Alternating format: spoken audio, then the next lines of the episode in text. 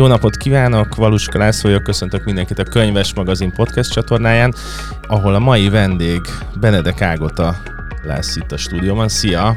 Szia! Figyelj, nagyon nagy nyitó kérdésre készültem.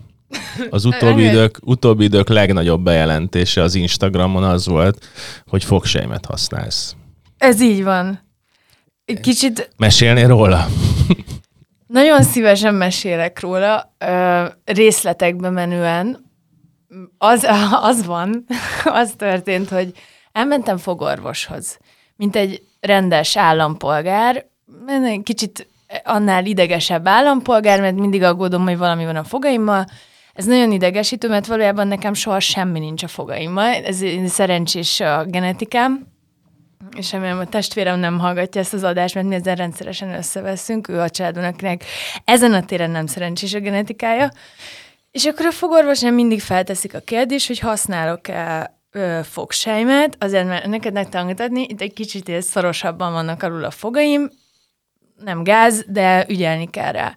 És azt mondta a fogorvos, hogy természetesen elektromos fogkefe és fogsejem, és akkor azt gondoltam, hogy én én most megér, megértem erre a feladatra, hogy fogsejmet vásároljak. Ez ilyen felnőtté válásos para? Szerintem igen. Szerintem a, a másik felnőtté válás az az, amikor mondjuk ételes dolgokból szedsz valamit, és nem nyalod le a kanalat utána. Mondjuk nekem a mustárnál volt egy ilyen meghatározó pont, amikor rájöttem, hogy azért, mert csinálok, most mihez kell most sem, tartármártás, és rakok bele egy kis kanál nagyon erős, csípős mustán, nekem nem kell lenyalnom a kanalat, és nem kell aggódnom amiatt, hogy rajta marad, hanem csak bedobhatom a mosogatóba.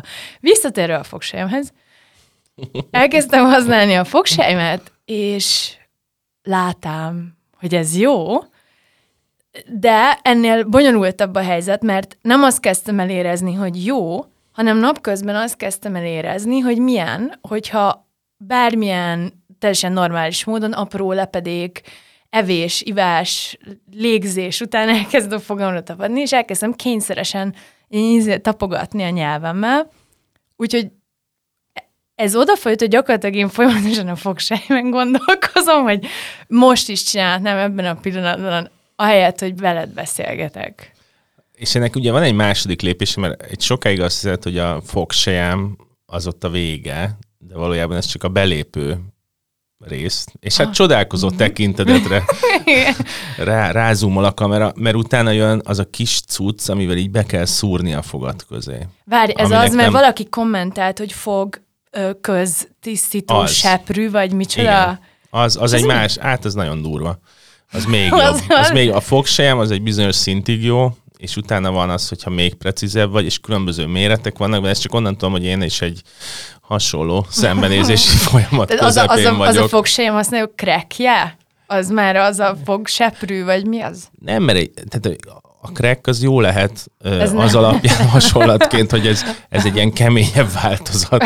De nem, ez, ez egy mindennapi abúzus egy kicsit, tehát hogy sok fogad van, Aha. az összes ilyen résbe be kell tolni, de ezt most hagyjuk. Volt egy másik bejelentés is ebben az Instagram. Biztos, hogy nem ennyire fontos. Nem Igen. is tudom. Ami, ami a leányvállalat kiadó. Így igaz. Bemutatnád röviden? A leányvállalat kiadó az egy új független könyvkiadó szeretne lenni Magyarországon, ami... Azért szeretne lenni, mert most óriási nerpénzek most vannak alapul. benne. És nem, nem, nem. Kell, de pont azért szeretne az lenni, mert nincs benne óriási nerpénz, uh, hanem egy, egy Molnár uh, Gera nevű uh, nőnek a pénze van benne, aki azt tűzte ki célul, hogy, hogy alapít egy ilyen kiadót, és azt részesíti előnyben, hogy az általa, meg az én berántásommal általa minőségnek ítélt tartalmak, azok megjelenjenek úgy, hogy... Te itt művészeti vezető vagy, mondjuk? Hogy lehet lefordítani De ezt? attól függ abban, mik vannak, mint posztban mondjuk, mondjuk egy művészeti vezető az beleszólhat abba, hogy milyen szerzőket kérnek fel. Igen, az pipa. Hogy néz ki az arculat. Igen, pipa. Mi a borító. Igen. Esetleg abba is, hogy a kommunikáció az hogy épül fel. Igenis.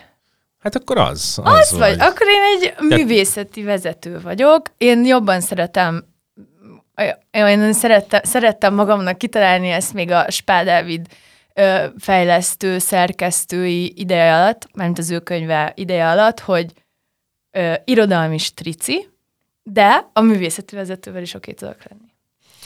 Az irodalmi stricit is le tudjuk fordítani egyébként, tehát hogy az irod, tehát hogy szerintem... De az félek, hogy ilyen izé lesz, ez ilyen adilédás lesz, mert na igen, az nem, azt nem akarom. Szóval hogy a, a cél az, hogy te válogatsz is, és meghatározod azt, hogy itt milyen... És a lányvállalat az milyen könyveket akar kiadni? A lányvállalat az ö, olyan könyveket szeretne kiadni, ö, amik ö, szorgalmazzák a nyitottságot, és ö, esetleg ö, ö, a diverzitás témáját ö, járják körül, ö, vagy, ö, vagy csak szimplán ö, szórakoztatnak, de azért nem használom szendikusan a szórakoztató irodalom terminus, mert azt hiszem, hogy hát akkor egy egész uh, irodalomfilozófiai vitába keverednénk megint. Én ezt már könyves magazinon letudtam az Annával egy, egy ilyen beszélgetésben. Plusz, ugye... Azért az... egy, egy mondatban eleveníts föl ezt, hogy, Jó, hogy miért nem mersz róla beszélni. Azért, mert nem akarom beszűkíteni. Egyrészt nem lehet tudni, hogy ugye most mondjuk azt, hogy az első évadnál vagyunk, mert a, a Gerának és a leányvállalatnak a nulladik pillanattól az volt a, az elképzelése, hogy mint ahogy a magyar dizájnerek, mondjuk a ruhatervezők kijönnek egy-egy évadban egy-egy kollekcióval, ő így fog kijönni egy-egy ö, minőségi ö, könyvkollekcióval, uh-huh. és akkor ez az első hármas ami elindul, a Marton Krisztián, a, a, a Horváth Andris, meg, a, meg az én könyvem, én ugye az én könyvem, az én harmadik könyvem megírásával ezt a lendületet támogatom, amivel megint próbál indulni a kiadó, és, és nem akarom sem a későbbi kollekcióknak a, nem tudom, a, a műfai besorolását ezzel ugye, beszorítani, sem pedig ezekét, mert hogy ugye, hogy mi a szórakoztató, mi a szép irodalom, szerintem ezek a könyvek, ö, mindig a fiúkéről beszélek, ezt tehát a saját könyvet elfelejtettem ebben az egész folyamatban. Hát én most olvastam, majd oda is, odaig is eljutunk. Majd amiatt is kikapok. De a, a, szóval, hogy a fiúkéről beszélek, ö, e, szerintem ezek egyébként is billegnek. Ö, meg, hogy, meg hogy mi a szép irodalom, meg mi a szórakoztató irodalom, azt én ugye nem kísérelném meg ö, meghatározni, már főleg már azután, hogy az Álva Maszturbálok ö, című könyv, amit én írtam, az hirtelen egyszer csak megjelent az élet és irodalomnak a hasábjain, amivel nagyon sok mindenkit összezavarta, és amivel engem is egy kicsit összezavartak, őszintén szólva. Ö, és akkor mindegy, ez egy másik beszélgetés, hogy én magammal hogyan beszélgettem el egy hasonlóan sötét sarokban, mint ami az irodátokban van minden irányba, hogy ez, ez jó, és birtokoljam ezt az érzést, de, de, de furcsa, meg, meg kicsit olyan összezavaró, szóval ezért nem mennék arra, hogy azt mondjam, hogy csak szórakoztató irodalom, plusz öm, ilyen fotóalbumok kiadásáról is van szó, vagy van, van ilyesmi is tervben. Öm, úgyhogy azt is lehet mondani, hogy ez a, ez a kiadó, ami a tartalmi célkitűzést illeti, annyiban is különbözik most a, ezektől a nagy kiadóktól, amiket ismerünk, hogy sokkal nagyobb hangsúlyt fektet arra, hogy mi a vizualitása ezeknek a megjelenő produktumoknak, és, és hát ez már a könyvborítóknak a tervezési folyamatában, meg az tervezésnél is nagyon érezhető volt, és ezt így is ígérte meg nekem a Gera, hogy ez így lesz, amikor engem rárántott erre a pici, ám egyelőre jó szelet fogó hajóra. És ez hogy alkalmazkodik egyébként a Libris szerzői énethez? A Libris szerzői énem az ugye meglehetősen el van most nyom, vagy hát árnyékban van teljesen, mert őszintén szóval nekem nem volt új projektem tervezve a Librinél, amikor ez az egész vihar ez az egész MCC vihar elkezdte az ablakokat remektetni, ö, és hogy ezért nekem nem is volt semmiféle intenzív, ö, hogy mondjam, gondolkodásom azzal kapcsolatban, hogy mi lesz a Librivel, sőt, ugye az, hogy ide megírtam ezt a könyvet, az egy két évvel ezelőtti elköteleződés, amit én, amit én be kellett, hogy jelentsek hmm. a Librinek, mivel ilyenkor nekik ilyen elő nem tudom, nézési, vagy micsoda joguk van az ötleteimmel kapcsolatban. Úgyhogy nem, nem, egyrészt nem összeférhetetlen, másrészt elraktam a librisénemet, és nem is vagyok benne biztos, hogy újra előveszem. Ö, egész egyszerűen azért, mert ö, hogyha ez tényleg sikerülne, hogy ezek mentén, az elvek mentén, vagy ezek mentén, az értékek mentén, amikből egy csomót ugye még nem soroltam fel, mert nagyon, a szórakoztató irodalomnál nagyon kicsúsztam a kanyarból, azt ezem. A PRS nem te vagy ebben a csapatban. Még. De hogy, hogy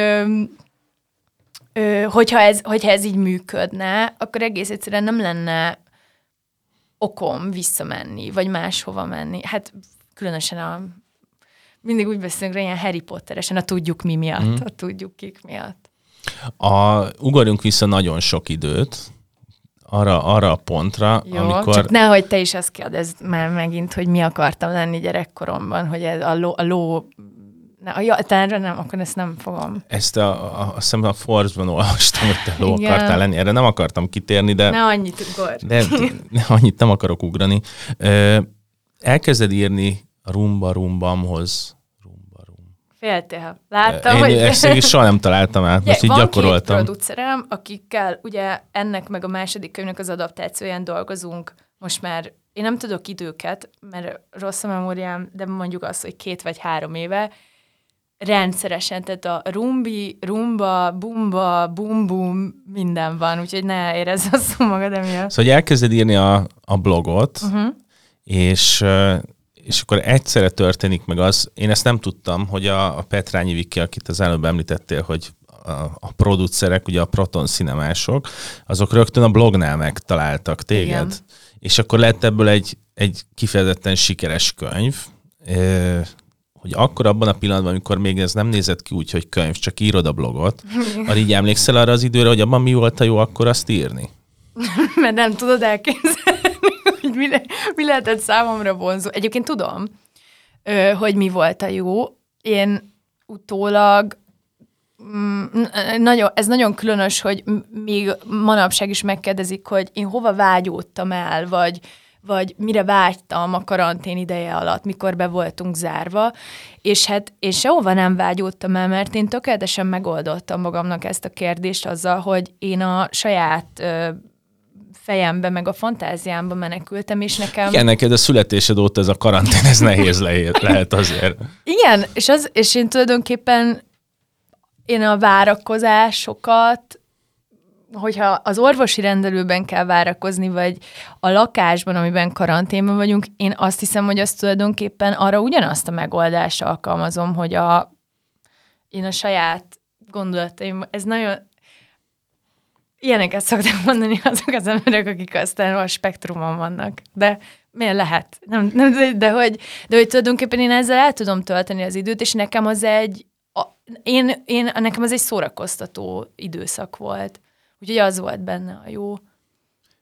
Ezt azért kérdeztem, hogy akkor mit jelentett ez neked, mert hogyha ezt, ezt, ez az írásra így nagyon rákaptál, tehát tudjuk, hogy van forgatókönyvírói képzettséged is, de hogy annyira rákaptál, hogy itt konkrétan ez 2020-as történet, amiről beszélünk, most 2023 össze van, és ez alatt megjelent két könyved, most jön majd a harmadik, és három év alatt azt gondolom, hogy bizonyos szempontból eléggé felfordult ilyen szempontból az élet veled és körülötted, és hogy az, amikor te ott csöndben írhatod a blogbejegyzéseidet, és az, amikor most arról beszélünk, hogy egyszerre vagy a leányvállalatnak a művészeti vezetője, csak ezt nem mondták el neked, plusz egyszerre vagy szerzője ennek a kiadónak, amikor már sokkal nagyobb a felelősséged, tehát hogy Benedek Ágota nem csak azért művészeti vezető, mert nem tudom, jó az ízlése vagy rossz, hanem azért, mert hogy egy olyan szerző, aki segített felépíteni egy kiadót.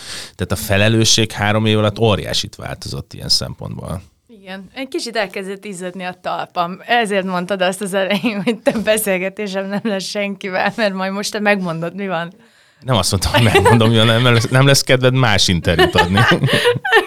igen, de miatt. Ez így van, ez, ez igaz. Ö, és igen, és mit, mit... Hát ugye érdekel az, hogy ebben a három évben ezt, ezt hogyan dolgoztat föl magadban, hogy a tök más tétje van annak, hogy egy blogposztot élesítgetsz, meg más tétje van annak, hogy valaki már egy kiadó felépítésében is gondolkodik veled, hogy, hogy ehhez mi a viszonyod?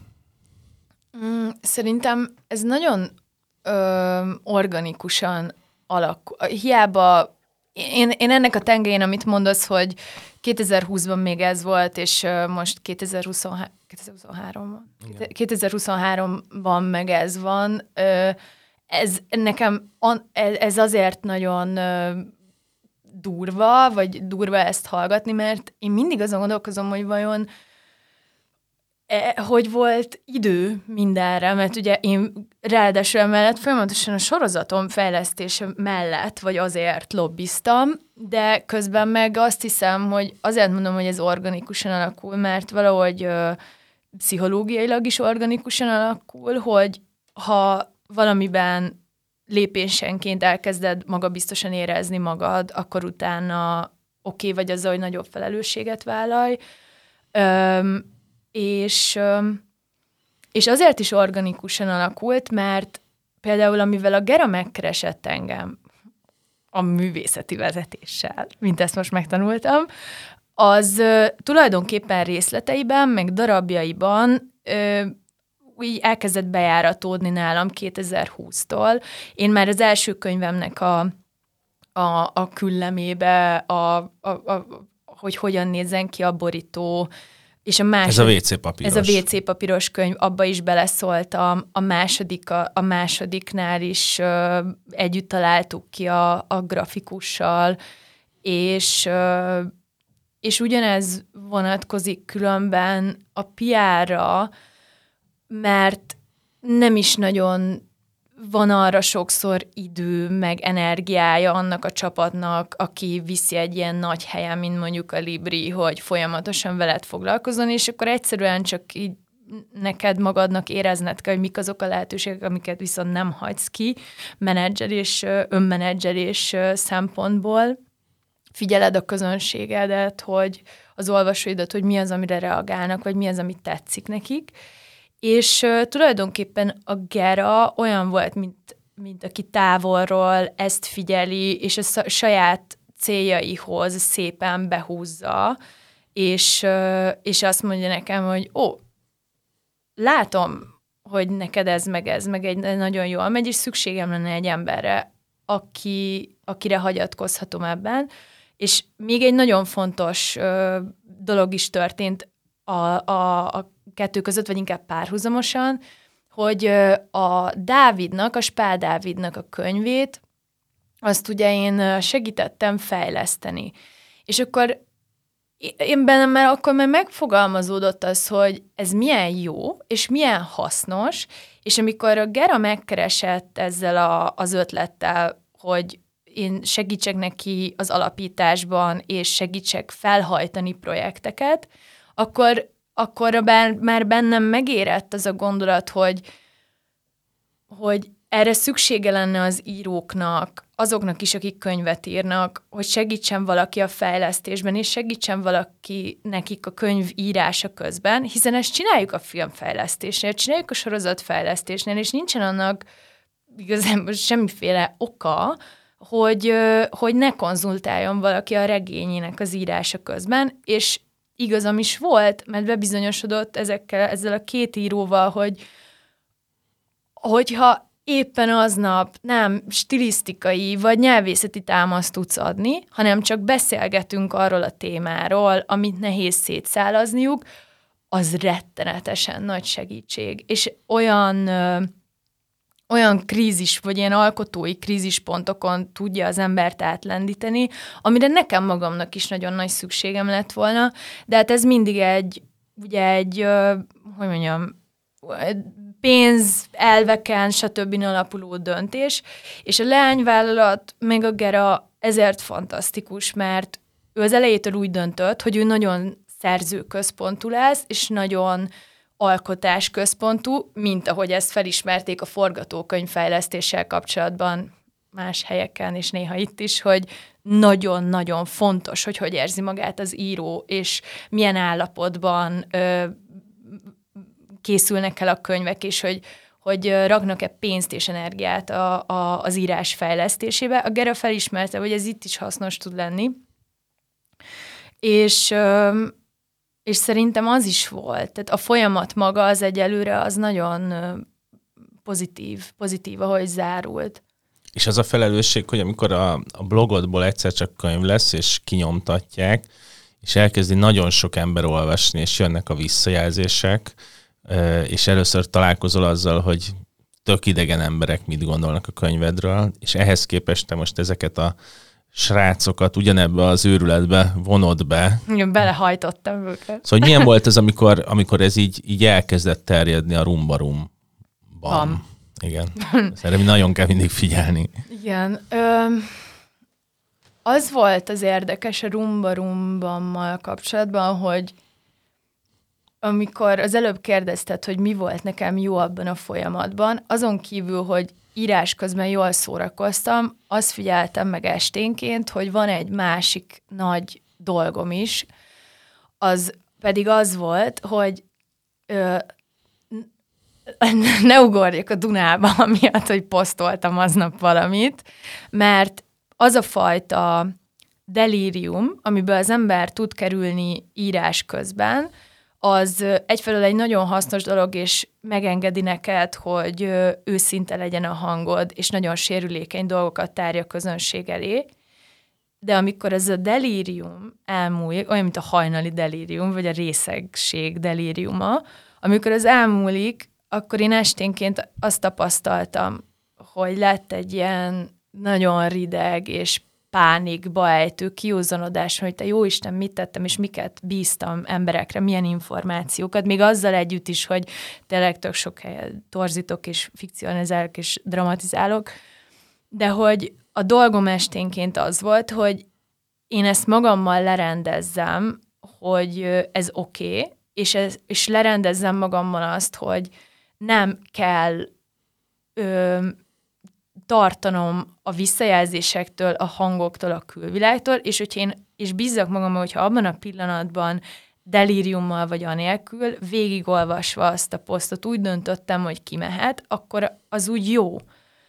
És ez egy nagyon nagy tanulási folyamat volt, Ö, és ezért, tehát ez, ez már a tanulási folyamata volt annak, ami aztán a könyv kimenetelével következett, ott már, ott már ebben megerősödtem.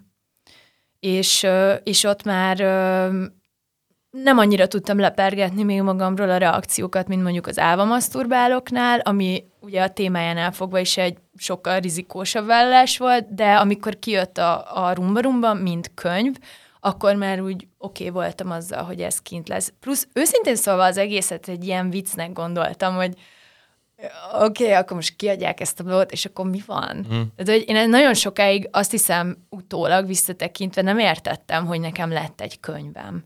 Emlékszem, amikor a Viki, a Petrányi Viki, aki ugye először opciót kötött rám, hogy megfilmesítsék, a Proton megfilmesítse a könyvet, azután ő maga vitte be a Libribe, hogy a blogot, hogy, hogy szerint ez alkalmas arra, hogy könyvformában is megjelenjen, és felhívott engem ö, utána, hogy elújságolja, hogy elolvasták a kéziratot, és hát azonnal szeretnék kiadni, és egy ilyen hosszú csend következett a telefonban az én oldalamról, és a kikérdésem megszólalt, hogy hát jó, valójában azért hívtalak, hogy örüljünk, de akkor ennek még le kell érnie, és majd írj egy SMS-t. és nem hogy egy idő után valóban írta egy SMS, de hogy nagyon nem tudtam ezzel mit kezdeni, hogy ez jó vagy rossz, vagy mi van. Ez egyébként tök jó, hogy azt mondod, hogy így elérkeztél oda, hogy meg, meg szeresd ezt a könyvet, vagy hogy elfogad, hogy van egy könyved, mert abban, amit te csinálsz így kívülről, és akkor ez a metázós rész, hogy én ezt egyik könyvednél se tudtam befogni értelmileg, hogy van egy könyv, ami iszonyú sok, tehát nagyon szórakoztató a felszíne, de hogy ráadásul nagyon komoly témák, problémák merülnek föl a, nem tudom, a gyerekvállalásos kérdéstől a mentális problémákon át a párkapcsolati krízisekig, tehát nagyon sokféle dolog mm-hmm. van, és van ennek egy része, ami nagyon szórakoztatóan elmesélhető, meg nyilván a tehát zárójel, hogy amikor a Margon volt a könyvemutató, és mm-hmm. én mhm. beírtam a, az egész szervező csapat számára a programból, hogy akkor állva maszturbálok, hát én hetekig hetekig Kaptad? kaptam, kaptam, hogy akkor ez, ezt a programot akkor hogyan kell elképzelni, hogy akkor hogyan lesz ez az álmomaszturbálók bemutató. Igen. Zárójel bezárva. De hogy, tehát, hogy azt nem tudom befogni, hogy van ez a nagyon önreflexív, szorongó, feszült, magába zárkozó, magára a világot bezáró szerző, aki írja ezeket a könyveket, és akkor van a másik, másik véglet, hogy amikor megnézem az interjúkat, ahol mint, mint tényleg egy távolságot tartva tudsz ezekről beszélni, mindig ott vannak a jó headline-ok, tehát hogy tényleg nagyon várom is, hogy itt én addig fogok veled beszélgetni, Mi amíg nem, nem lesz meg a headline-unk. Tehát, hogy, hogy a másik része meg, hogy ezt, ezt tudod így képviselni a nyilvánosságban, úgy, hogy egyébként egy, egy laza, fiatal, kreatív embert mutatunk Fiatalos. be. Fiatalos, igen, az egy öt év múlva. De hogy, de hogy érted, amit mondok, tehát hogy között egy nagy, nagy távolság van, tehát, és ezért kérdeztem azt, hogy ezt mit tudtál azzal kezdeni, hogy egyszer csak a blogból lesz egy könyv, és tehát iszonyú sokan olvasták ezt a könyvet. Annyira szeretném megakadályozni magam, hogy nehogy véletlenül bárki rám süsse, hogy borderline, nehogy ez legyen a, nehogy ez legyen a válasz, de valóban van egy nagy ö, szélsőség a között, ahogy én valójában szeretek élni és alkotni, és ahogy aztán ö, képviselem, ö, ahogy élek, és ahogy alkotom, és, ö, és ö,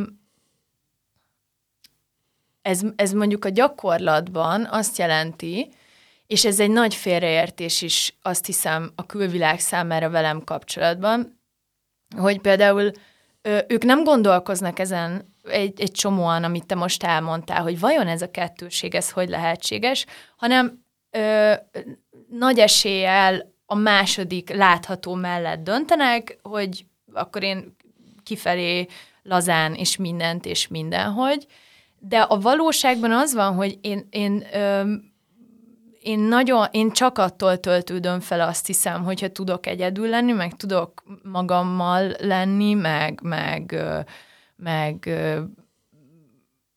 köldök, ezt a köldök nézegetést csinálni, amire majd térjünk vissza, mert azzal kapcsolatban volt egy gondolatom a minap, és közben meg az van, hogy hogyha a helyzetbe vagyok rakva, mint például egy, igen, egy interjúban, vagy el kell menni valakinek a születésnapjára, ö, akkor ott egy kicsit nekem elkezd például ö, folyni a hideg veríték a hátamon, lehetséges egy pont, amikor egyikre vagy másikra oda tartok, de abban a helyzetben, amikor belépek ebbe a helyzetbe, akkor én tökéletesen tudok funkcionálni, ö, és, és meg tudom csinálni, ami a dolgom, mondjuk egy születésnapon jó fejnek, boldog születésnapot kívánni.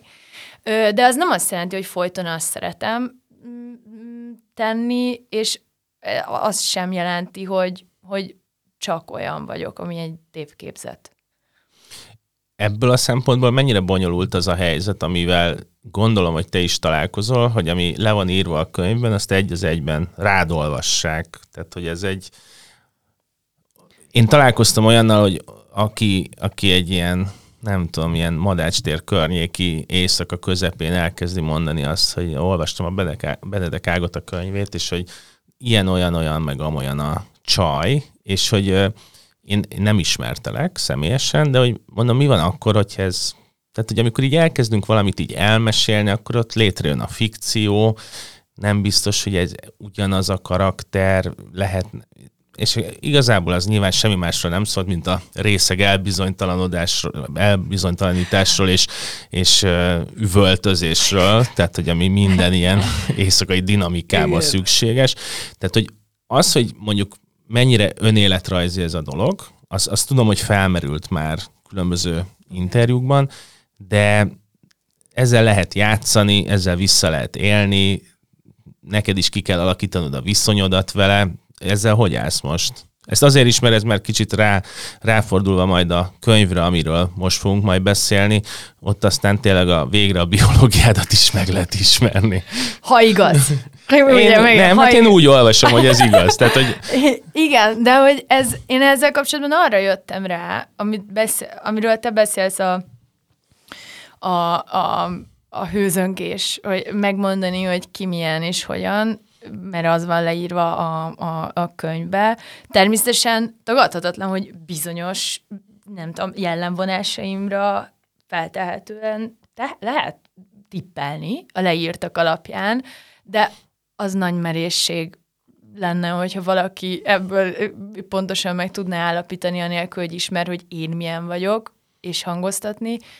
De én, én ezt egy ponton azért tettem le, mert mert mint hogy igazából soha nem voltam azon a misszión, hogy bizonygassam valakinek, hogy mi az igazából és mi nem, mert arra jöttem rá, hogy az emberek nagyon egyszerűen működnek ebben a témában, egész egyszerűen, amit ők szeretnének tudni és elhinni, azt, azt fogják hangoztatni. És, és, és, és, és azt meg, amit te szeretnél bebizonyítani, hogy nem úgy van, azt lehet, hogy nem, megfordítva.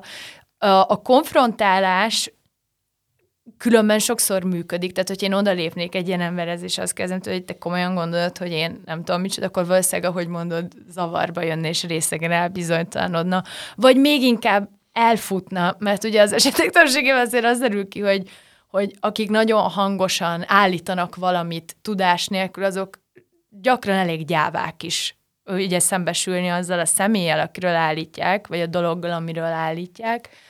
Úgyhogy például ez engem egyáltalán nem visel meg.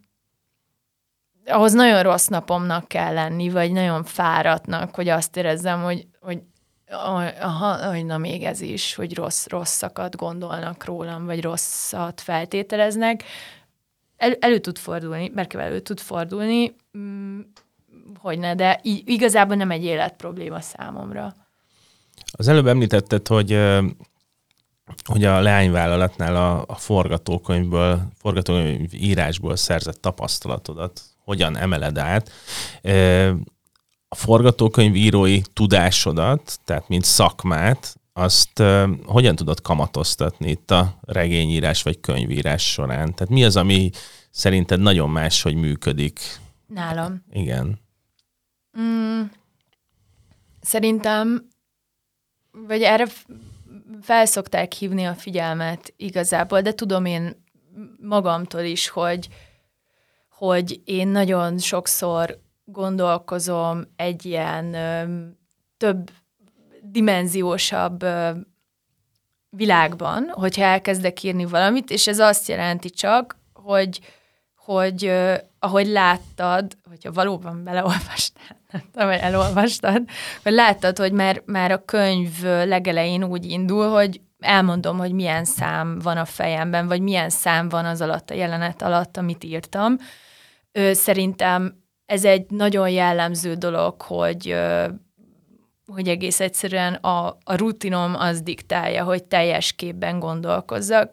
Lehetnék olyan író, aki ugye csak a nyelv szövetébe merül. Én azt a fajta irodalmat is tökre szeretem,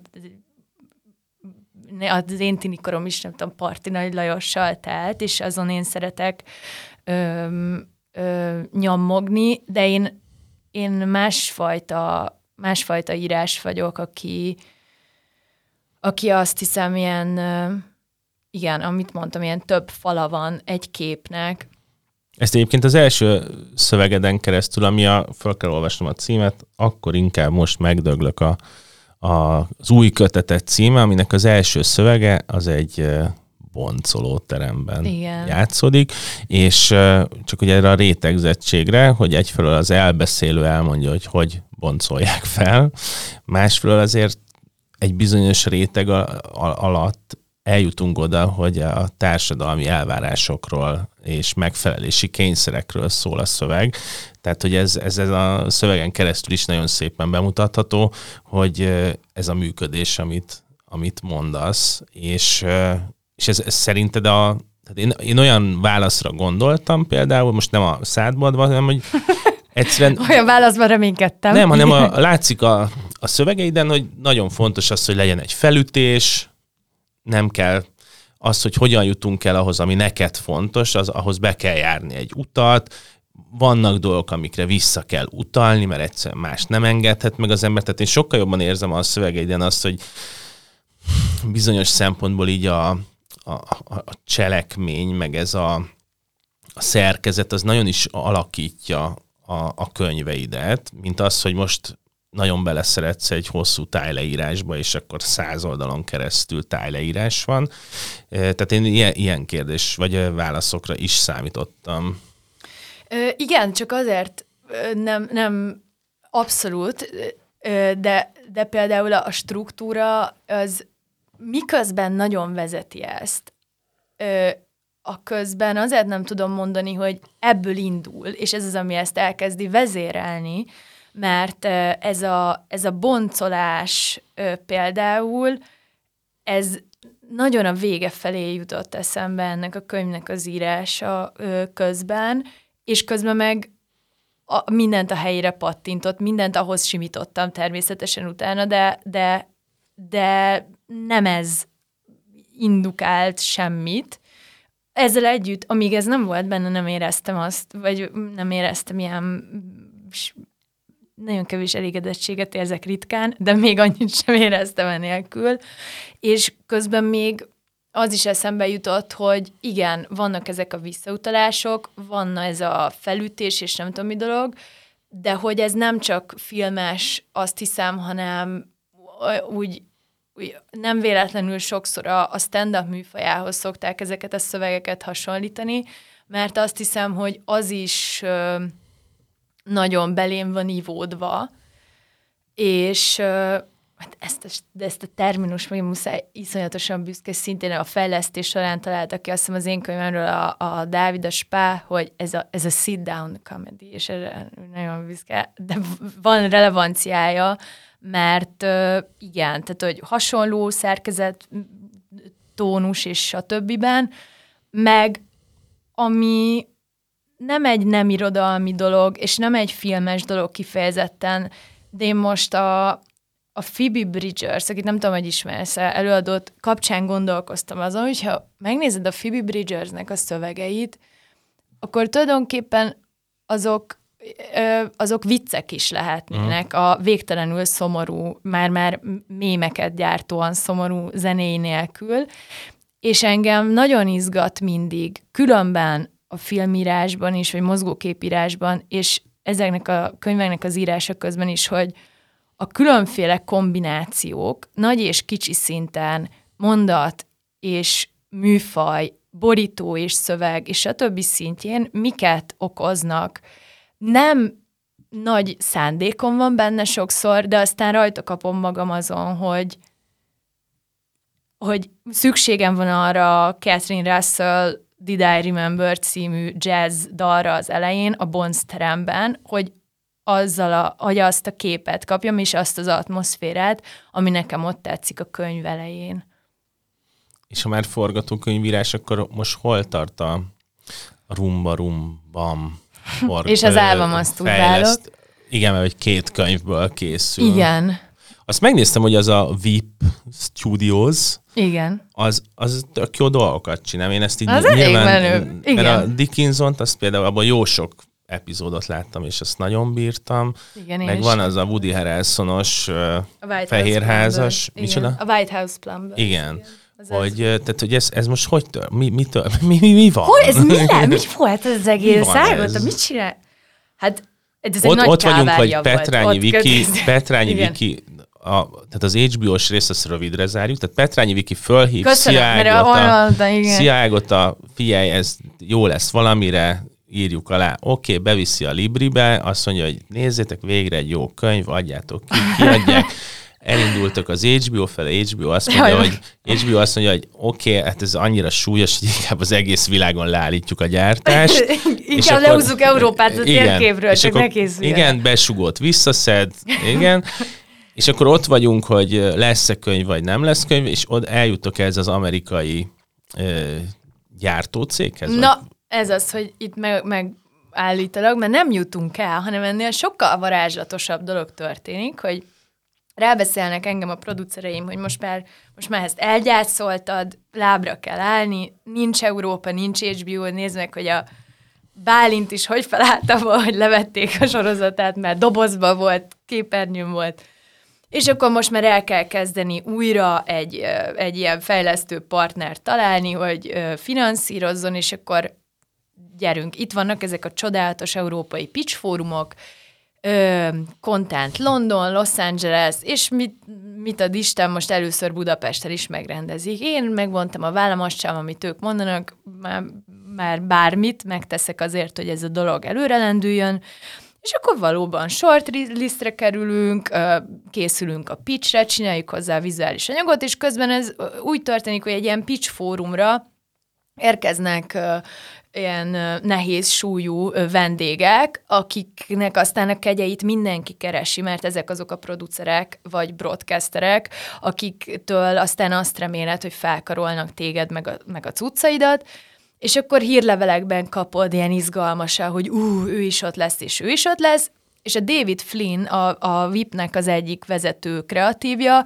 be volt harangozva, hogy érkezik, akkor ez már nagyon izgalmas volt mindenki számára, mert mindenki tudta, hogy ahogy te is mondod, a Dickinsonnak, meg a White House Plumbersnek, meg a Merovista-nak, tehát itt nagyon komoly, komoly ö, ö, produkcióknak volt a, az otthona ez a független amerikai stúdió, és akkor innen egy, a, egy olyan varázslatos fordulat történt, hogy egyik reggel felébredtem, és az önmagában egy csoda az volt. Az önmagában. És, és éppen talán elég jól éreztem magam, innen egy, egy, egy csoda, és, a, és akkor láttam, a, a, még a telefonomon szoktam nézni reggel az e-mailjeimet, ez azért akartam elmondani, mert mindig vannak tudod ilyen ébredj valakivel videók, és folyton szabadkoznak, hogy Tudom, hogy szörnyű, de először a telefonomat nézem. Miért lenne szörnyű? Mi az, hogy ébredj valakivel? Hát, hogy tudod, vannak ilyen, ilyen színészek, meg énekesek, nem tudom, és akkor nézd végig, hogy mi az ébredési rutinja. És ezek mindig szabadkoznak, ilyen sminkben, hálóinben nyilván úgy mm. forgatják, hogy szörnyű, tudom, de először a telefonomat nézem meg, nyilván, nem mindegy, tehát megnéztem a telefonomat, és láttam egy e-mailt, amiben bemutatkozik valaki, hogy a David Flynnnek az asszisztense, és ezt én fél szemmel, én, én ki, ki, ki, ki lőttem ezt az e-mailt, hogy biztos egy scam. De szerencsére ezt az e megkapták a producereim is, és hogy, hogy, visszakapcsoltam magam az Airplay módba, az Ávorszki annak, aki a Wiki mellett a producer, négy nem fogadott hívásom. Mi, mi, mi lehet ennyire durva itt, így negyed, nyolckor? És akkor kérdezte, hogy megkapta ezt az e-mailt, amiben az állt, hogy a, a David Flynn, aki a, ez, a, ez a fő nehézsúlyú producer volt, ö, szeretett volna a megtekintett anyagom alapján találkozót kérni. Na és persze akkor itt elkezdődött a tanok, hogy persze biztos mindenkivel találkozik, és csalfa, és nem is én érdeklem, és nem tudom, de aztán lett vele egy találkozunk, vagy a pitch alatt a két napban, és még egy, és még egy, és, és minden anyagomat feldolgozva, meg a csapata minden anyagomat feldolgozva, ő felajánlotta azt, hogy, hogy beszáll ebbe a projektbe és támogatja a továbbiakban, és akkor még az a tök jó dolog is történt, hogy ráadásul megnyertük a pitchet a végén, amivel én akkor már őszintén szóval nem törődtem, mert egy ilyen extázisban voltam mm. emiatt. Úgyhogy, ö, úgyhogy vele, meg velük elkezdjük, ö, most már éppen elkezdjük ezt a fejlesztést, ami a két könyvnek az adaptációja.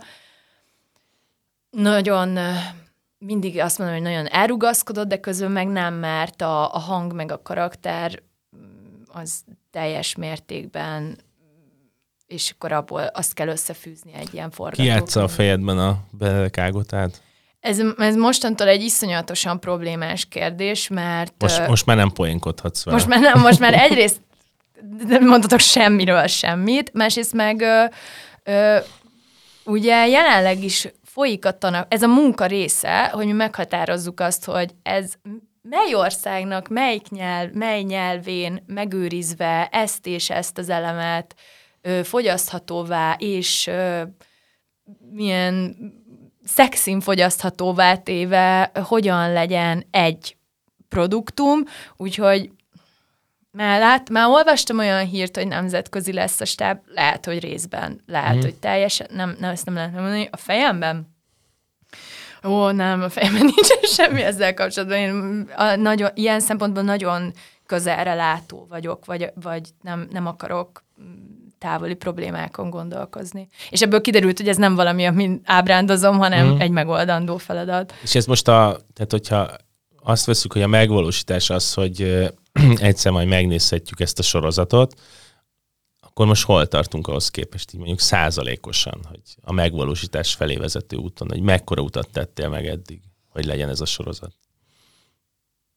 Hát a, szerintem az van, hogy ennek van egy origója valahol, mert hogy, hogy tulajdonképpen azt is mondhatnánk, hogy e, ez a, ez a szakasz így a negatív irányba is visz az elmúlt két évvel, de közben meg nem, mert az hasznosítható, de hogyha előre számolok, akkor se tudok pontosat mondani, mert attól is függ majd, hogy még kicsatlakozik erre rá, és hm. az egészet változtatja meg az elejétől, és nem tudom, de ö, hol? Ö, ú, nem, nem tudok százalékot mondani, ne haragudj, de, de jó, mert ez az elbizonytalanodás is beszédes, hogy kimerje de mondani, hogy 32 nem, százalék, nem vagy 47. 32 de... egyébként ez jogosnak tűnik, de, de ez ebben a rettenetesen idegörlő különben, és a, és a néha meg csodálatos, hogy, hogy például ez, ebben a két napban, amikor mi a, mi a, minket a VIP megtalált, és végül ez a, ez a deal elénk került, hogy legyünk a részesei, ez mondjuk akkor hirtelen mínusz 50-ből húzta fel arra a 32-re. Mm. És, és ez mindig így van a, hát ezt mindenki, vagy biztos, hogy alátámasztja, aki sorozat meg filmbizniszben van, hogy, van, hogy egy évig másfél százalékot kúszol mm. előre, és aztán felkelsz egy reggel, és hirtelen meg az a 45. Szóval ez, igen, ezen nem merek. Meg én nagyon, én nem, én nem, most ö, lakásnézegetésben voltam, meg költözésben. Los nem Angelesben. Tudom, sajnos nem, hanem még Budapest lakásnézegetésben, és még, hát ha nem, aztán, de, de ö, elvesztesz, ha négyzetméterekről kell beszélni, meg tehát egy, olyan, rájöttem, hogy olyan szinten nem tudom használni a számokat és a mértékegységeket, hogy, hogy azt hiszem, hogy ez nem, ez nem jó, ez nem felnőtt. Hát ez nehéz ügy. Ez, aha, igen. A, ezt biztos mondták neked, hogy uh, milyen ilyen popkulturális kapcsolódásai lehetnek a, annak, a, amit csinálsz, és az egyik az lehet, hogy a Léna Danem és, a, és az a világ. Ezt mondták? Igen. És ez neked kellemetlen? Nem. Nekem, ne, nekem a Girls az nagyon nagy kedvencem volt, nekem és a, a Lena Dunham kar- karakterét mindenféle viszonyban nagyon szeretem. Nagyon ritka, hogy egy férfi ezt mondja. Én azt vettem észre, hogy a férfiakat nagyon taszította az a, az a nő karakter. Hát eleve neki köszönhetjük, hogy Adam Driver-t felfedezte, ugye? Hát először is, igen.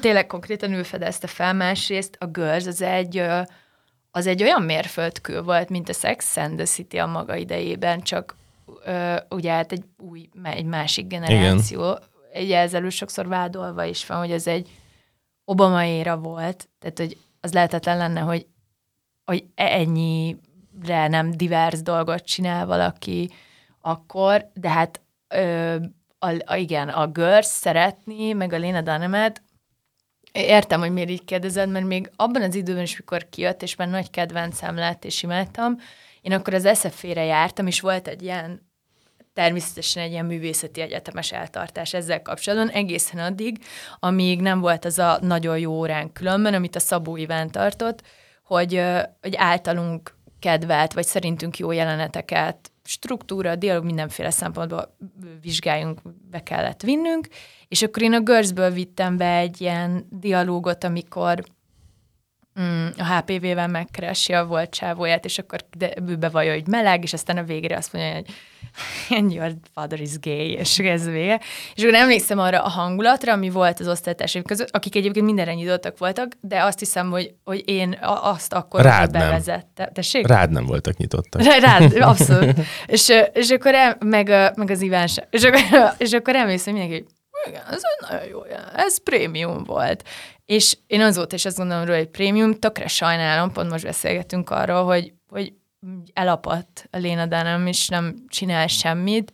És egyébként pont ő volt megvádolva azzal, amit az előbb említettem, ezzel a navel gazing ezzel a köldök nézegetéssel, Öm, miközben De én miért, még nem miért voltam volt hivatalos. megvádolva ezzel? Azért, mert... mert bocs, tehát, hogy aki nem ismeri, ugye van egy ilyen fiatal csaj, aki a görzel az a Juda Patovék csinálták, Igen. azt hiszem, Igen. és hogy így nagyon berobbant. Tehát nagyon. Igen. Tehát én 23 emlék... évesen. És, Ez nagyon durva. Igen, és akkor utána már arról cikkeztek, hogy akkor az ő karrierjét hogy kell elképzelni, hogy milyen nagy filmeket fog csinálni. Én emlékszem egy olyan cikkre, ami arról szólt, hogy egy generáció hangja. Tehát ami erre volt felépítve. Abszolút. És ez egyébként a te esetedben is felmerül ez a generáció hangja típusú dolog, mert valahogy ebben a sikerben, amit így lehet a közösségi médiában, vagy akár a hagyományos sajtóban követni, ott, ott valójában valahogy ezt próbálják megfogni benned, hogy így egy korosztálynak, vagy egy, egy ilyen nis ö, szubkultúrának adsz hangot. Tehát, hogy ezeket, ezt érzed? Mert érted, a Léna Danemnél ez történt, hogy nagyon korán föltették, és azóta, tehát neki nagyon, tehát hogy ezt végig lehet követni, hogy nagyon sok ilyen mentális ö, problémája van, depressziós és hasonlók, tehát hogy tényleg komoly cuccokban van, és hogy nem találja a tovább lépést, mert az eleje az annyira bődületesen sikeres volt, és öt vagy hat évad volt abból a sorozatból. Igen. Vagy az, hét, nem vagy is le, tudom. De mondjuk egy sok, tíz igen. éve biztos elment vele, vagy ja, több. Ja. Hát és ezt meg is válaszolja egyébként a pilotnak az utolsó jelenetében, amikor véletlenül be ópium teázik, amikor megjelenik a szüleinél a hotelben, és azt mondja, hogy nem értitek, én a generációm hangja vagyok, vagy egy generációnak Tényleg, a hangja. akkor ez nem is cikkben volt, nem ez ott, van ez benne, igen, ez basszus. abszolút, ez, és akkor elájul az ópium teátor utána. Ö, Hát nagyjából lehet, hogy egy generációnak vagyok a hangja. Azért köztünk az egy nagy különbség, hogy a Lina, de nem egy, ha jól tudom, ő egy ilyen, egy ilyen felső ö, New Yorki art familyből jön, és mindenki, aki ott van a castban. Tehát én nagyon más honnan jövök, és amit mondasz egyébként, hogy e, próbálják megfogni bennem ezt, hogy egy generációs hang vagyok, itt mindig történik is egy elakadás, mert ö, amikor már éppen nagyon könnyelműen rám ö, sütnék ezek, akik rám akarják ezt a, ezt a bélyeget, hogy a belbudai értelmiségnek a milleniál hangja, akkor történik ez a csavar, hogy kiderül rólam, hogy nem rózsadomról csúsztam le lázadozni, hanem nyíregyházán születtem, és ilyen, uh, ilyen karcos volt az egész, ami ide vezetett, de de aztán meg az máshoz had hozzá, úgy vettem észre. Az egy másfajta harc. Mm. és, és, és, és ez nem tudom egyébként ezen mit torzít, vagy még inkább mit ad hozzá. Ezt, nem, ezt tényleg nem látom kívülről. Ez a hang dologhoz, ez a hangzsándárk dologhoz. Én ezt csak azért dobtam, mert szerintem elég érdekes abból a szempontból, hogy vannak hasonlóságok, így, így távoli hasonlóságok, Igen. de vannak a, van köztetek, és, és én tényleg azt láttam, hogy ott maga a biznisz, az, az tényleg kicsinált a szegényt, és hát bízom Valami benne, volt. hogy Igen. bízom benne, hogy egyszer így vissza fog térni, mert tényleg elképesztően tehetséges. Szerintem is. A, nem tudunk nem beszélni az új könyvedről. De miért nem akarsz, hogy miért mondod ezt? Ne nem. izé, mert te vagy az első, akivel Igen, ez, most egy ilyen 10 perces felolvasás lesz, ami a kritika. Nem. Akkor inkább most megdöglök címmel jelent meg a könyved, aminek az az alcím, hogy szubjektív ismeretterjesztő. Amikor ezt átküldted, akkor úgy küldted át az e-mailben, és ezt most, amikor az előbb beszéltél a sit down comedy akkor most már értettem, hogy azt írtad, hogy íme a specialom. igen. És amikor átküldted, akkor és, és nem nyitottam még meg, akkor gondolkoztam, hogy mi lehet ez a special, tehát hogy lehet az, hogy a, nem tudom, a Libris vonal mellett itt egy tök más típusú sorozatot kezdesz el írni, aztán láttam, hogy azért végül is a, a kötetet azt a testet köré fel lehet húzni. Na, most mellé megvan a headline-od. Igen, de ez még az én headline-om. Ez az én headline-om. Az a lényeg, hogy a te headline-od meglegyen. Nem, de hogy tehát, hogy van egy ilyen téma, amiben van szó doktorról, hormonháztartásról, menstruációról, egy csomó mindenről, és hát az egész úgy kezdődik, amiről az előbb már beszéltünk néhány szót, hogy egy boncmester elkezd felboncolni téged, a és ott van a, ott van a, a, a, a kiterített, mesztelen Benedek Ágota alter ego, az elbeszélt főszereplő, aki végül is mindenféle ilyen külső ítélkezésre reagál, és, és ezzel érkezünk meg a történetbe, amiben benne lehet, először azt hittem, hogy egy ilyen Frankenstein átirat lesz, amiben egy ilyen szép, ilyen teremtés történet, és akkor a nő, de nem ez lett belőle, hanem, hanem tényleg a szembenézés az. Egyébként a, nem tudom mi a címe pontosan a sorozatnak, de most a Russian tippelném, amikor tudod, így a halálból visszajön, és, és egy ilyen körkörös újra mozgás van. Tehát, hogy ez a, ez a hang, hogy így honnan beszél így az elhunyt Benedek Ágota, hogy mondtad, hogy addig nem volt meg a kötet, amíg nem volt meg ez a szöveg. Hát nem, addig nem, é- nem igen. éreztem úgy, igen, hogy ez valami. És, és ez hogy lett meg ez a szöveg? Mert ezt el lehet mondani ilyen... Mert mint a bonc a bonc, mert hogy Igen. végül is az milyen szép, hogy itt van a Benedek Ágotta, aki az elmúlt három évben írt két könyvet, mind a kettő nagyon sikeres volt, bejárta a médiát, és akkor ezt el lehet beszélni úgy, hogy és hát ez milyen provokatív gesztus, hogy most azt mondja, hogy itt vagyok mesztelenül, felboncolnak, és akkor innen indul a harmadik könyv. Igen. Ö, én sokat... Egy kicsit hajolj közebb, légy a mikrofonhoz. Igen. Köszönöm. Ö, hogy hogyan lett, azt ennek hogy egy, találtad meg azt, hogy fel kell, hogy boncoljanak? Van egy ilyen, azt hiszem ez egy patternem, egy ilyen megfigyelhető, nem is tudom, hogy az alkotói folyamatban lesz egy ilyen ö, pont, egy krízis pontom, amikor az elégedetlenségem magammal annyira sajgó lesz, hogy történik valami. Ezt nem tudom természetesen magamból kiforszírozni, és megvolt már a zöme ennek a szövegnek, ami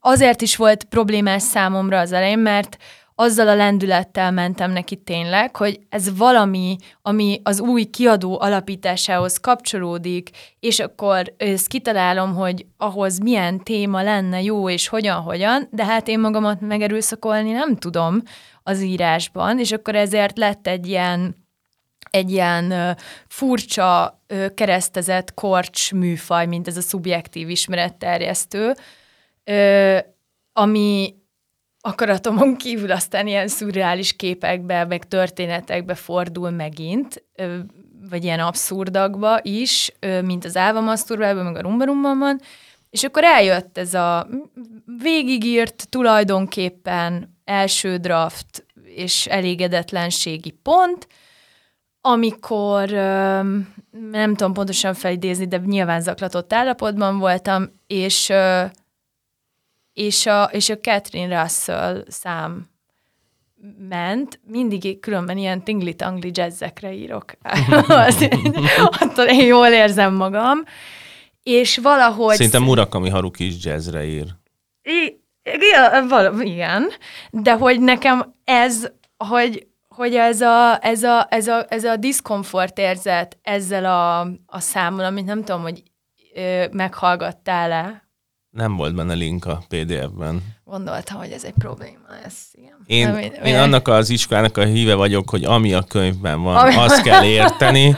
Jó, Hogyha igen. már ilyen extra igen. erőfeszítések igen. kellenek, akkor az egy De másik elkezdek munka. majd, amikor posztolok linket rakni hozzá. Minden Egy esetre... Csinálj playlistet, most a Bret Easton Ellisnek hallgattam végig a Szilánkok című regényéhez összeszedett ilyen három órás Gondoltam playlistet. Rá. Rohadt jó. És már bánom, hogy nincsen benne micsoda az, amivel... QR kód. Igen. Hát, az... de az így, így is el fog jutni az emberekhez azért. Jó hogy eleget mondjuk. Szóval, hogy ennek a minden esetre egy ilyen felhangolt, meg, meg, meg felhangolt jó hangulat, és az én diszkomfort ezetem összekapcsolódott, és akkor és akkor azt hiszem, ez kiadta magát azzal együtt, hogy már megvolt az utolsó mondata is a könyvnek, ami a cím. Az akkor inkább már most megdöglök, kával, szigorúan, hmm. erről egy diskurzus folyt, csak mondom a szerkesztőt. Tényleg? Igen, azért, mert természetesen... Nádasdi Ádám világában még a... Igen, természetesen nem vagyok egy idióta, és ismerem Nádasdi Ádám világát, és tudom, hogy a megdöglik az egyik esége, amit tárgyasan illenék ragozni, ugyanakkor egyrészt azt is tudom, hogy a tárgyas és az alanyragozás ez kicsit idejét múlt, mert hogyha következetesek lennénk a tárgyas ragozásban, de senki nem érdekel most, amit mondok, akkor feltételes módon is tárgyasan ragoznánk, amit meg nem teszünk, mert akkor azt mondanám, hogy megdögleném, olvasnám, azt szoktuk mondani, de hát nem következetesen Igen, használjuk. Ezt a, én a leíró nyelvészet szigorlaton harmadikra vagy negyedikre átrugdostak. Hát. Tehát, hogy ezen, ezen, mi? ezen ugorhatunk De az ugorhatunk a tárgyas hanem sokkal inkább az volt, hogy azzal együtt, hogy tudom, hogy mit, hogy kell ragozni általában, az, hogy ha azt mondom, hogy akkor inkább, mert most megdöglöm, az olyan szinten modoros, és annyira mahely, és annyira ö, hiperkorrekciósan elitista, ami egyrészt, hát ki az, aki egy, ki az, aki abban a kontextusban, amiben azt mondja, hogy akkor inkább most megdöglök, tárgyasan kezd ragozni. Hát Senki. ki tudja ragozni. nem, nem, nem. az aki modoros. És én nem akartam az lenni, úgyhogy ezt azért, ezt, ezt, ezt, a, ezt a kört ezt letudtuk a, a Szabinával, a szerkesztővel hamar, és megvolt ez az utolsó mondat, ami aztán egy ilyen összegzésnek a vagy nem, hát az összegzése annak, ami, amin előtte gondolkozom a könyvben, és valahogy a Catherine Russell, a diszkomfort érzetem, és az, hogy megdöglök, ez összeállt, és így született a, a, a boncolós jelenet.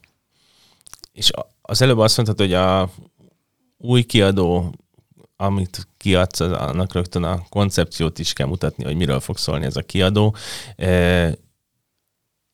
ez a kötet akkor egy ilyen koncepció mentén született meg, hogy... Igen, és azt szeretem, hogy én egyébként koncepciókat nyújtok be amúgy a Librinél is kellett koncepciót kínálnom a másodiknál, amit meg is teszek általában, van egy ilyen első verzió a koncepciók, és szépen lassan térünk el az eredeti koncepciótól. Itt ebben De ez kicsit olyan, mint a treatment a filmben, nem? Abszolút. És, és egyébként szerintem ez tök oké, okay, hogy kérnek koncepciót, és kíváncsiak arra, hogy szerinted miért lesz jó, ez neked is fontos, neked is szükséges, az már a jó felség és a bizalom, ami egyébként a Librinek a részéről is megvolt, a Geráiról meg extrán, hogy akármilyen kanyarokat tettem ebben, és akármennyire is már nem, nem, nem voltam hű a koncepcióhoz, azt mondta, hogy tudod mit, bízom benned. És akkor, de azt nem állítom, hogy ez a bonc, a, ugye a, még nem láttad a borítót, mert nem láthattad. Ö, nem, mikor jelenik meg ez, ez a kis Podcast? beszélgetés? Igen. Hát szerintem szeptember végén, tehát jövő hét végén.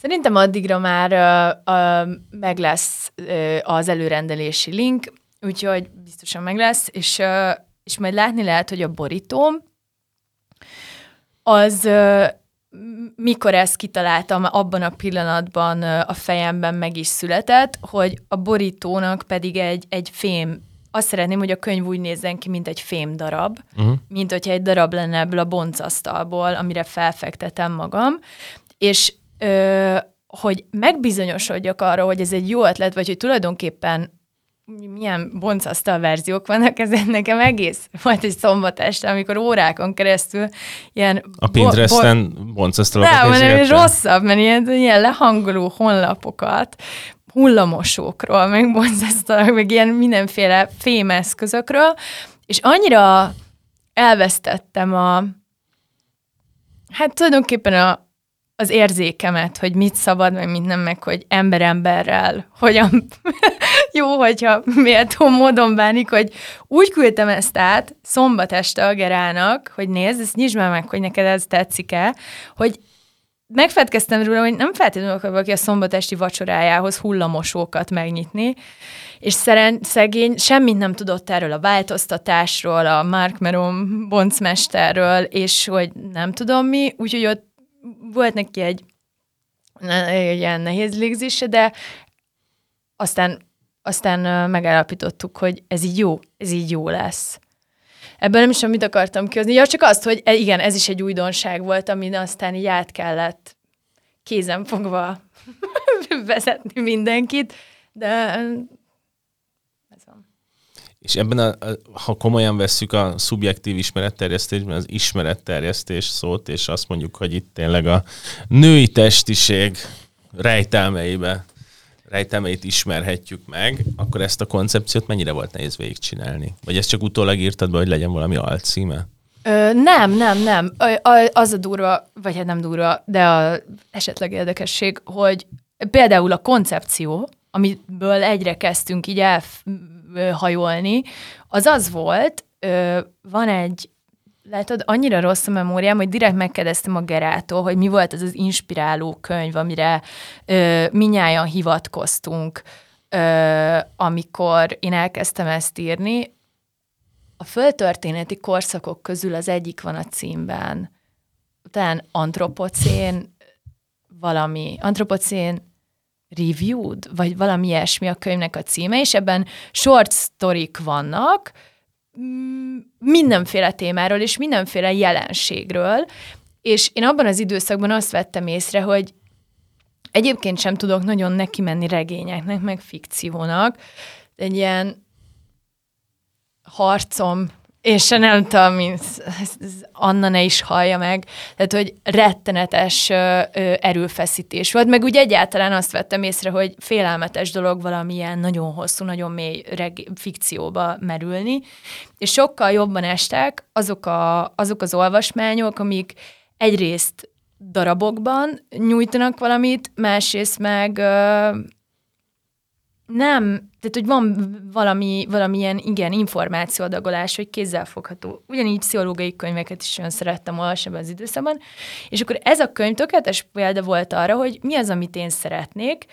Ez sokkal inkább hagyatkozik a, a, a, a tényekre, és elindul egy tényből és egy információból, és annak a mondjuk a hátterét veszi végig, vagy pedig, hogy mi lett egy adott, például a, nem tudom, a tollkabátnak, aztán egy bizonyos márkájú tollkabátnak, vagy a Pepsi-nek, vagy nem tudom, a jövője, vagy valami érdekesség azzal kapcsolatban. És akkor azt gondoltam én is, hogy oké, okay, van ez, a, ez, a, ez az infotainment műfaj, valami ilyesmit akarok csinálni, egyébként is tökre érdekel az, ami a testtel kapcsolatos, meg a biológiai folyamatokkal. Rengetegen kérdeznek erről a, erről a hormonparáról, meg erről a kálváriáról, ami így felfelsejlik a könyvekben, és, és tényleg nagyon-nagyon sok ember, embert érint. Úgyhogy ezt a faggatózást tulajdonképpen ki tudnám elégíteni egy ilyen műfajjal, csak az történt, hogy, hogy el, valóban elkezdődtek ezek, ezeknek az információknak a szórásélkönyvben, és végül ott találtuk magunkat, hogy aztán egy-egy fejezeten belül is attól még én ugyanúgy megtartottam ezt a szokást, hogy műfajt váltok, meg, mm. meg realitást váltok, és akkor én először nagyon megijedtem attól, hogy ú, nagyon eltertem attól, ami a brief, ö, és, és most mi lesz ebből, de az egy-két visszajel, tehát hogy tényleg nagyon pár ember csekkolja csak ilyenkor a szöveget, az egyik a Gera, és abszolút zöld utat kaptam ebben, és azt mondta, hogy tudod mit, ez így sokkal érdekesebb, ez valami nagyon új, ö, csináljuk inkább ezt, vagy így tartsd meg ezt. És aztán azok, akiknek odaadtam a kéziratot, azok is azt mondták, hogy wow, ez valami, ami nagyon hasznos, mert amikor elolvassák ezek az emberek, hát igen, leginkább nők, mert az én saját paráimról, meg női, aztán végül női parákkal kapcsolatos zavarokról is írok, akkor, akkor arra gondolnak, hogy ú, ezt lehet, hogy nem tudtam, vagy lehet, hogy mm, tudtam, de nem foglalkoztam vele, és aztán, például, és aztán megint lesz egy olyan vetülete, vagy egy, vagy egy olyan vonala, ami meg már nem ehhez ragaszkodik, hogy csak információkat adjak át. Ez tök, tök érdekes, hogy azt mondod, és egyébként ebben nem gondoltam bele, miközben elég nyilvánvaló is lehet, hogy akkor többségében női olvasóid vannak, és azokat kell megszólítanod. Azt hiszem, hogy egyébként lehet, hogy igen, lehet, hogy többségében igen, de hogy aztán, amikor ez valahogy ki van jelentve, akkor egyszer csak mindig felbukkannak a férfiak, hogy felháborodjanak, hogy én tök sok olyan üzenetet kapok, ami így kezdődik. Szia Ágota! Csak azt szeretném mondani, hogy én egy heteroszexuális férfi vagyok, és nagyon szeretem a könyveidet, és mindegyiket elolvasom, és megveszed, hogy nem, nem, nem merek ilyeneket kijelenteni már. De feltételezem, hogy igen. Te feltételezed? Nem tudom, igen. Egyébként, ha, ha most egy ilyen fegyvert igen. tennének a fejemhez, hogy valamit most mondjak, akkor, akkor ezt mondanám szerintem.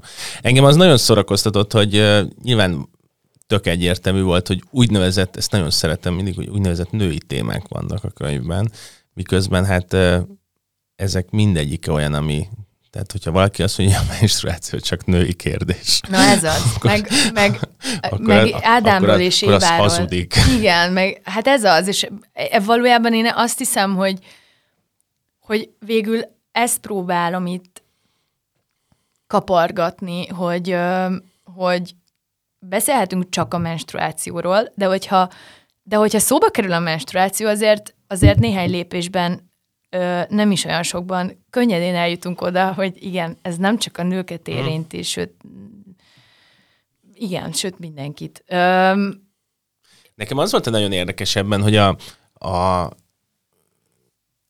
én valahogy úgy nőttem fel, ezt nem fogom a menstruációra rákötni, miközben remélem a hallgatók nem azt várják, hogy, tehát, hogy én úgy nőttem föl, hogy a, mindig így sportoltam, és hogy ezzel a test dologgal ezzel nem kell foglalkozni, mert végül is sportolok, meg nem tudom Aztán nyilván megöregettem, és, és tényleg minden izületem és porcom tönkrement, de, de hogy ez így egy, egy ponton megérkezett az ember életébe, hogy, hogy akkor ez a test, ez egy ilyen létező dolog, ami, tehát hogy ez nem arról van szó, hogy most ez van, hanem ez tönkre is tudja tenni az ember életét. És valahogy a könyvedben ezt éreztem, tehát hogy én fölírtam magamnak ezt a teljesen értelmetlen kérdést, amit nem tettem még fel, hogy szoktál-e beszélni a testedhez, vagy egyes szem harmadik szemében beszélni a testedről, de, de hogy valahogy azt éreztem, hogy, hogy van egy ilyen tök jó szembenézés azzal, hogy, hogy ezt a test dolgot, ezt így meg kell érteni, meg ezeket a működéseket meg kell érteni. Ami egyébként így részben az előző könyveidben is benne volt, csak amiatt, hogy ez egy ilyen szubjektív ismeretterjesztés, és ebből a szempontból a special az szerintem nagyon jó műfai meghatározás, hogy egy témát jár körbe sok szempontból. Ugye a, tehát, hogy akkor hogy szólítod a tested? Édes. Édi. Hát, amit szerintem utat én itt bejárok, az az, hogy hogy igen, nem törődsz vele, muszáj odafigyelni, mert megkeseríti az életedet, törődsz vele, túlzásba viszed, rájössz, hogy mindennel baj van tulajdonképpen. Ahogy minél mélyebbre állsz ez olyan, mint hogy azért... Egyáltalán szabad megismerni semmit. Igen. Tehát, hogy a fogor, az elején a fogorvosról beszéltünk, én elmentem arra, hogy felmérik, felmérik, és akkor utána azt mondták, hogy ennyibe fog kerülni, és fél életemet ott fogom Igen. tölteni. Nem szabad. Nem szabad megismerni. Igen, de minél többet tudsz, annál nagyobb pánikba esel, és aztán pedig ami azt hiszem ennek a vége, amire én most már például így a saját dolgaim, ami egy ilyen hat vagy hét évben, mit tudom én, mióta bizonyos problémákkal, mióta kondíciókkal küzdök, oda jutok el, hogy na, tehát, hogy ami, ami, amire, ami a vége konklúzió az, hogy, hogy ö, mindenkinek be kell lőnie magával kapcsolatban, és a saját életével kapcsolatban, hogy tulajdonképpen min mennyit, hogy szorong, figyel, görcsöl, ö, és törődik vele, de én azt hiszem, hogy, és ez az, amit az összes többi könyvemben is csinálok, hogy rájöttem arra, hogy már megint, már megint arra hívom fel a figyelmet, hogy azt viszont nem csinálhatod, hogy nem, nem figyelsz oda, hogy nem nézed. És ezt akartam mondani a köldök nézéssel kapcsolatban, hogy, hogy amivel ugye a Léna nem is meg volt vádolva, azért, mert ugye ennek a köldök nézegetésnek van egy ilyen pejoratív ez egy ilyen pejoratív mondás, mert, mert aki, aki köldök nézegető, az túl sokat szállazza a saját gondolatait, túl sokat foglalkozik a saját elméjével, stb. stb.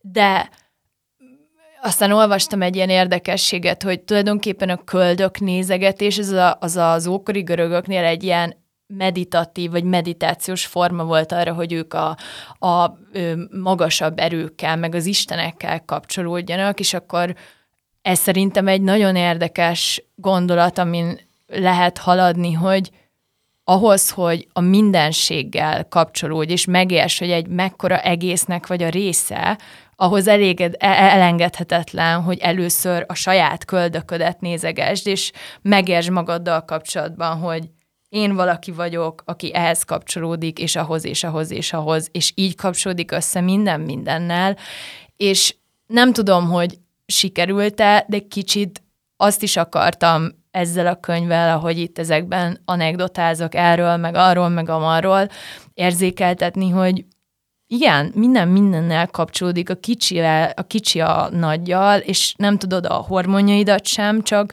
önmagukban nézni, és azokra rászükülni, meg, meg, meg, meg azt sem tudod ö, ö, önmagában szemlélni, ahogy te is mondtad, hogy mondta, nő vagyok, akkor menstruálsz, akkor azt így tegyük félre. Tehát, hogy valahogy egy ilyen... Remélem ez marad meg idézetben. az, hogy túl sokat beszéltek a menstruációról, nem csak a menstruációról szól ez a könyv, ez, ez támaszd alá. Nem csak arról szól tényleg. Csak De az embereknek vér és cirkusz kell. Igen, ezért van benne a menstruációval kapcsolatban Ádám és Éva, a Bibliá, Bibliáról beszélek. De hogy, hogy, hogy, hogy én inkább hogyha az előzőekben is ö, arra bíztattam mindenkit, hogy, hogy, így, hogy forduljon maga felé, a gondolatai felé, meg az érzései felé, most akkor szó szerint arra biztatok, hogy a köldöke felé is, mert és azon kívül, hogy észrevehetsz magadon a testen, vagy a szervezetedben valamit, és ugye nagyon drága lesz, mint a te fogad, azon kívül egyébként minden aztán minden elvezet egy másik gondolathoz, és én ezt szeretem. Én, én, én ezt élvezem írni is, meg élvezek ezen gondolkozni is. És szeretném, hogy mindenki más is gondolkozni. Mindenki más is gondolkozni fog. Az milyen jó lenne, nem? Igen, mindenki gondolkozna. Hogyha, hogyha gondolkoznának az emberek. Igen. Beszélgetésünk végére értünk. Ez nagyon jó, mert itt szerintem 47 fok lett közben. Nem tudom, látod, de vagy van egy Hát ilyen... van ez az interjú iskolában, tudod, hogy hogyan hozhatod a másikat kellemetlen ez, de legyen rohadt meleg, a reflektor állítsd az a arcába. Én a terápián azt érzem Legyen mindig. alacsonyabban a széke, mint a tiéd. Igen, nem, a terápián ezt érzem mindig, hogy nagyon ö, ö, rossz mindig a hőmérséklet, és a múltkor megkérdeztem tőle, hogy bocsánat, ez egy eszköz valamire?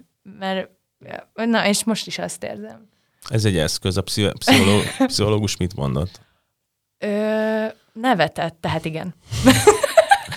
Nagyon köszönöm, hogy itt voltál és beszéltél az új könyvedről, aminek még egyszer elmondom a címét, hogy akkor inkább most megdöglök, és a Leányvállalat kiadónál jelenik meg, és a Margó Irodalmi Fesztiválon majd látni lehet Várjál, nem az a cím, hogy akkor inkább már most megdöglök, vagy azt mondtad? Akkor inkább már most megdöglök? E, ez simán elfelejt... lehet egyébként, mert lehet, akkor, hogy rosszul írtam le. Akkor inkább már, akkor inkább már most megdöglök, de most elbizonytalanítottam a saját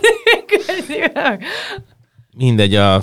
Tehát, hogy van egy címe A egy leírásból könyvnek, majd kiderül. Igen, van egy címe ennek a könyvnek, és hát így meg kéne rendelni. Igen, ez, igen, és akkor a nyugodtan a postafiók 117, és itt lehet, nem, tehát hogy megjelenik ez a könyv, a lányvállalat kiadónál, a Margon lehet találkozni Ágotával és a mint Ágotával, mint irodalmi stricivel, és, a, és az áldozataival, akiket rákényszerített arra, hogy könyveket írjanak, és további sok sikert, és köszönjük szépen, hogy itt voltál. Köszönöm én is.